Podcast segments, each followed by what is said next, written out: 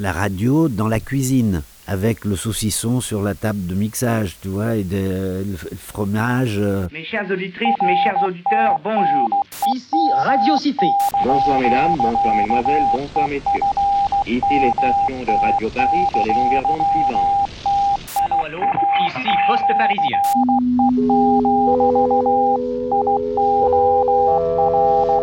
Nous commençons notre première émission de la journée. Voici notre leçon de culture physique. Troisième leçon de culture physique va commencer. Flexion des jambes. Mains aux hanches. Une, deux, une, deux. Le contexte social des- de la création de Radio Tomate, c'est, disons, un peu euh, autour de ce qui s'est passé en Italie. Il y a eu une rencontre à Bologne en 1977, qui était une rencontre européenne pour défendre les amis italiens qui commençaient à avoir de, gros problèmes. Et un ami qui était responsable au sein de la fédération, la FRED, c'était Fédération des radios emettrice democratiche. Et le responsable technique, c'était un ami de Bologne qui nous a tout de suite proposé de nous fabriquer des émetteurs. Parce qu'en France, on n'avait personne pour fabriquer des émetteurs. C'était interdit.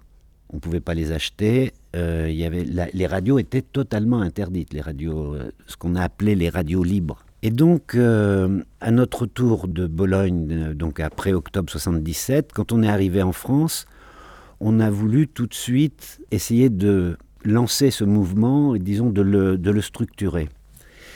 Il y avait quand même en France une première radio, Radio Verte, et ils étaient regroupés à dans une association qui s'appelait l'ALO, Association pour la libération des ondes.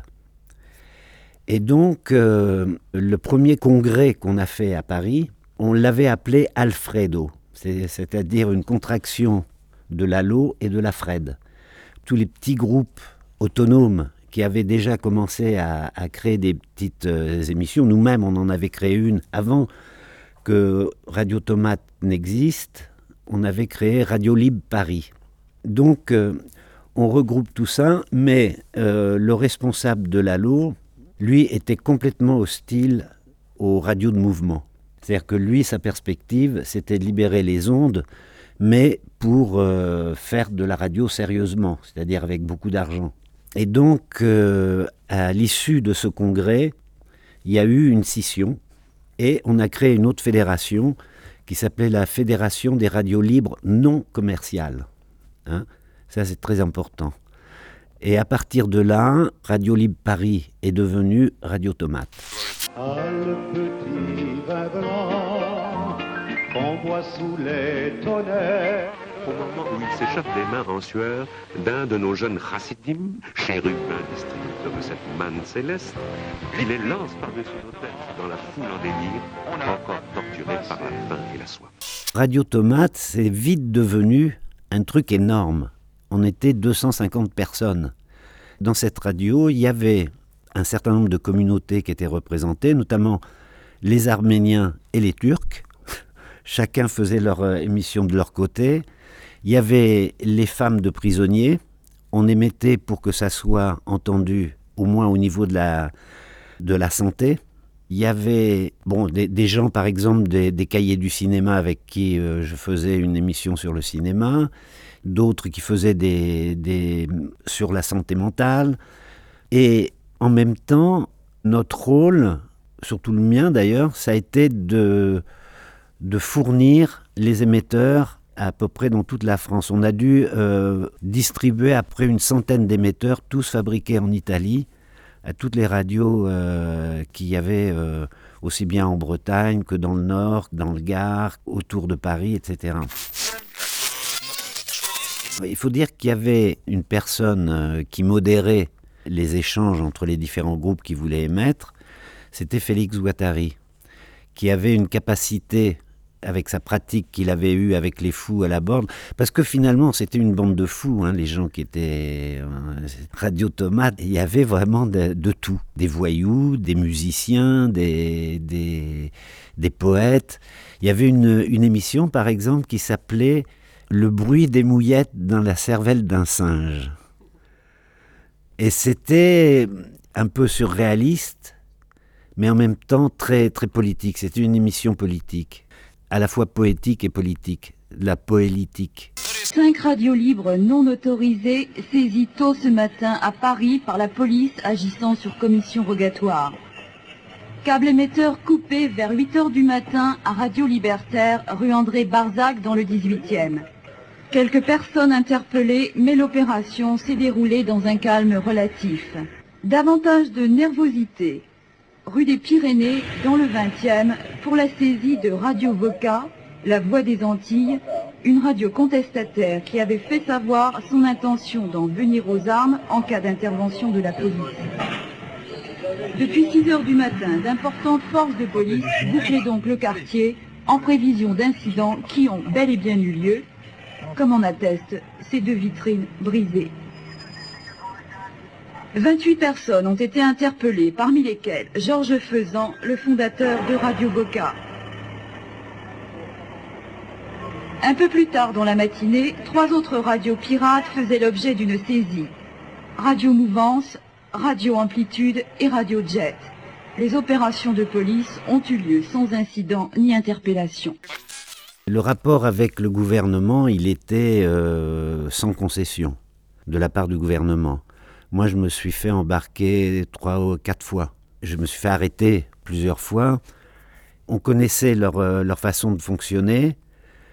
Donc, euh, on émettait souvent d'un point haut. hein. C'est-à-dire que les émetteurs, ils restaient jamais au même endroit.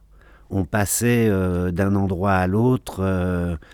L'émetteur n'était jamais à l'endroit où était la radio. C'est-à-dire qu'on avait mis au point un système qui faisait passer les- les ondes par le téléphone. Mais on a pris des risques absolument incroyables. Moi, j'ai failli me tuer en installant une, antenne sur un, toit. Mais le toit, il était comme ça et, j'ai dérapé. Et si j'avais pas réussi à me raccrocher, je, je tombais sept étages plus bas, quoi. Tout le début des, des radios libres, ça a été très compliqué parce que même si on avait une fréquence qui était connue, le temps que cette fréquence soit connue des auditeurs, c'était le bouche à oreille. hein. Mais euh, à la fin des, années 80 et début 81, on fonctionnait pratiquement librement. Et là, on a eu, il y avait vraiment beaucoup d'auditeurs. Et il y avait une autre radio qui était très écoutée, euh, Radio 2000, qui est devenue Énergie. Et dans les écoutes qui étaient données, Énergie et Radio Tomate, on arrivait pratiquement au niveau de France Inter, euh, sur Paris, énorme. Mais c'était juste avant, le, juste avant la légalisation. Mitterrand s'était engagé à libérer les ondes. euh, il, y avait eu des, il y avait eu des pressions quand même de la, de la classe politique de gauche. Par exemple, le PS avait fait une, une émission pirate. Bien sûr, euh, les, les- les flics ne pouvaient pas intervenir, venir arrêter Mitterrand. Le président Mitterrand est favorable à l'introduction de la publicité sur les radios locales privées.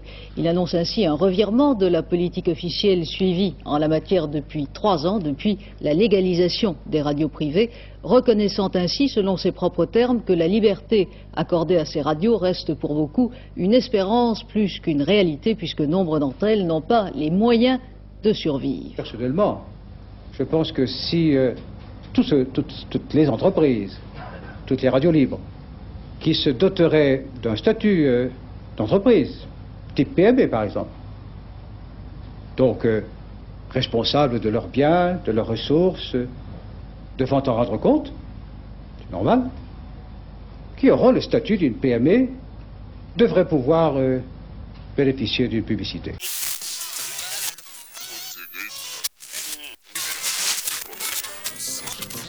Le Minitel présente également d'autres intérêts. En effet, le service rendu par la machine est beaucoup plus complet que l'annuaire papier. Exemple, vous cherchez le téléphone d'un certain monsieur Joly à Rennes. Vous l'écrivez à la fin IE, comme l'adjectif, alors qu'il s'orthographie Y. Malgré cette faute, si la phonétique du nom est respectée, l'appareil vous répondra et vous aurez votre numéro. Ceci dit, le Minitel n'a pas que des qualités. Par exemple, il interdit toute réception sur votre téléphone pendant la manipulation du clavier. Pour le reste, écoutez deux avis recueillis auprès d'utilisateurs. Le Minitel, c'est arrivé bien après la, libération des ondes. hein. La libération des ondes, ça, a été 81. Le Minitel est, arrivé dans les, au milieu des années 80 à peu près. Et là, en dehors de, de l'aspect pratique, c'est-à-dire euh, que ça remplaçait, pour chercher les pages jaunes ou les pages blanches, là où tu... Il y avait des groupes qui constituaient une des bases de données sur ordinateur. On avait créé un truc qui s'appelait euh, Alter. Et Alter, c'était un serveur qui avait été mis en place par un, un ami qui était ingénieur euh, à France Télécom, qui regroupait les associations ou les groupes autonomes qui étaient euh, liés à, nous. C'est-à-dire que ça, faisait un réseau, un rhizome, une circulation d'informations qui finalement euh, préfigurait complètement Internet. Une des, applications les plus importantes qui se soit passée à- en France à, propos de ce mini-site euh, 3615 Alter, c'est une grève d'infirmières qui s'est organisée au niveau national à travers le Minitel. Parce que les, syndicats officiels étaient un peu en retrait par rapport à, cette manifestation qui s'était organisée à la base, sans les chefs euh, de- des syndicats. Et tout s'est organisé à travers le Minitel, mais sur toute la France. À la limite, le Minitel était plus intéressant qu'Internet parce que euh, on était obligé, il y avait quand même un... On trouvait pas tout, quoi. Là, maintenant, euh, on a le monde entier.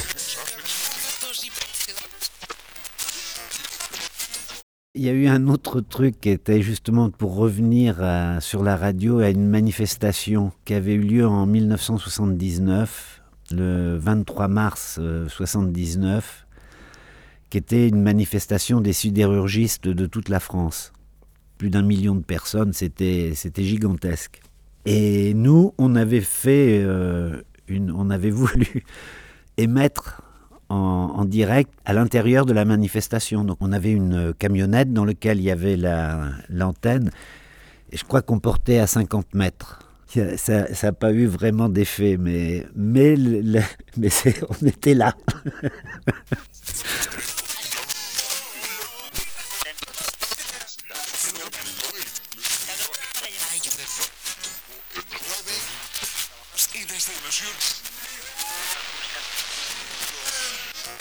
Il y a eu beaucoup de conflits lorsque on est arrivé à la légalisation. Chaque groupe, Radio Tomate, Radio 2000 qui est devenu Énergie, etc., devait présenter un cahier des charges et expliquer son mode de financement. Donc avec quels moyens techniques on émettait, le budget dont on disposait, etc. Donc très vite, la bande FM a été bouffée par les, les radios commerciales. Pour les radios de mouvement, ça a été beaucoup plus compliqué. Pour obtenir euh, l'autorisation d'émettre, ils nous, ils nous mettaient par exemple deux radios ou trois radios sur la même fréquence. Alors, il y a eu deux, deux regroupements comme ça. Le premier que la, la haute autorité nous a proposé, c'était Radio Tomate et, et Radio Juive. Ça pouvait pas marcher, on était pro-palestinien, donc c'était pas possible. Ça a été refusé des deux côtés d'ailleurs, hein, sans, sans se taper dessus.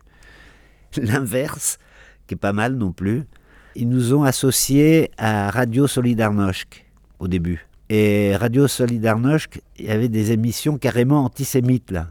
Donc, paf ça, ça, a explosé tout de suite. Donc, euh, et finalement, après, il y a eu à l'intérieur des groupes, du groupe lui-même de Radio Tomate, il y a eu des, opérations de prise de contrôle et ça, ça, a- explosé.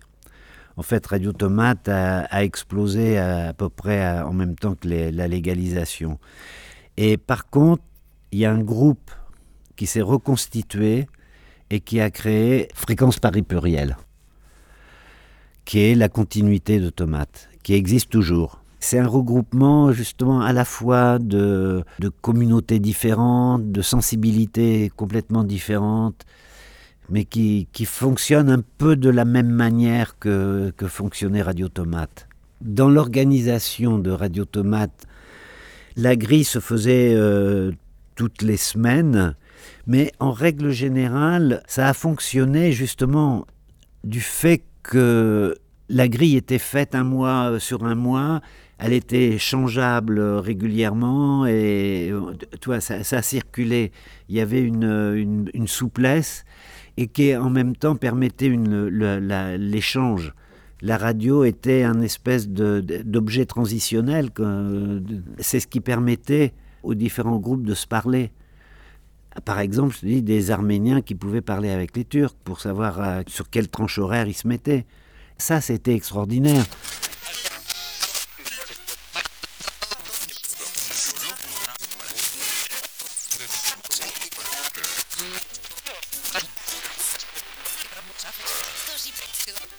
Radio Alice a été le modèle de fabrication de radiotomates.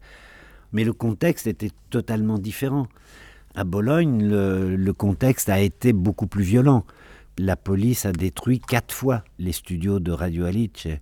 Alors que, et, et par ailleurs, les radios en, en Italie étaient autorisées. En France, pas du tout. Donc il y, y a, automatiquement un mode de, fonctionnement, même au niveau technique, même au niveau d'adaptation à la, à, à la guérilla, pratiquement. Nous, on faisait une guérilla des ondes. Euh, Radio Alice, ils avaient le droit. Ce qui n'était pas autorisé, c'était le, le contenu de ce qu'ils racontaient. Radio Alice, c'était une radio qui avait cette capacité à faire de la poélitique. Vraiment. Par exemple, il y a, cette émission euh, sur une barricade à Bologne, et ils ont transporté un, piano à queue sur la barricade, et il y a le, un, très bon pianiste, un jeune pianiste de Bologne qui, joue le concert de Cologne de, de Jarrett. Non, mais c'est extraordinaire. Tu as ça qui est enregistré et tu entends les gaz lacrymogènes et tout. Une image sonore dont tu as tout de suite la représentation. quoi. C'est magnifique.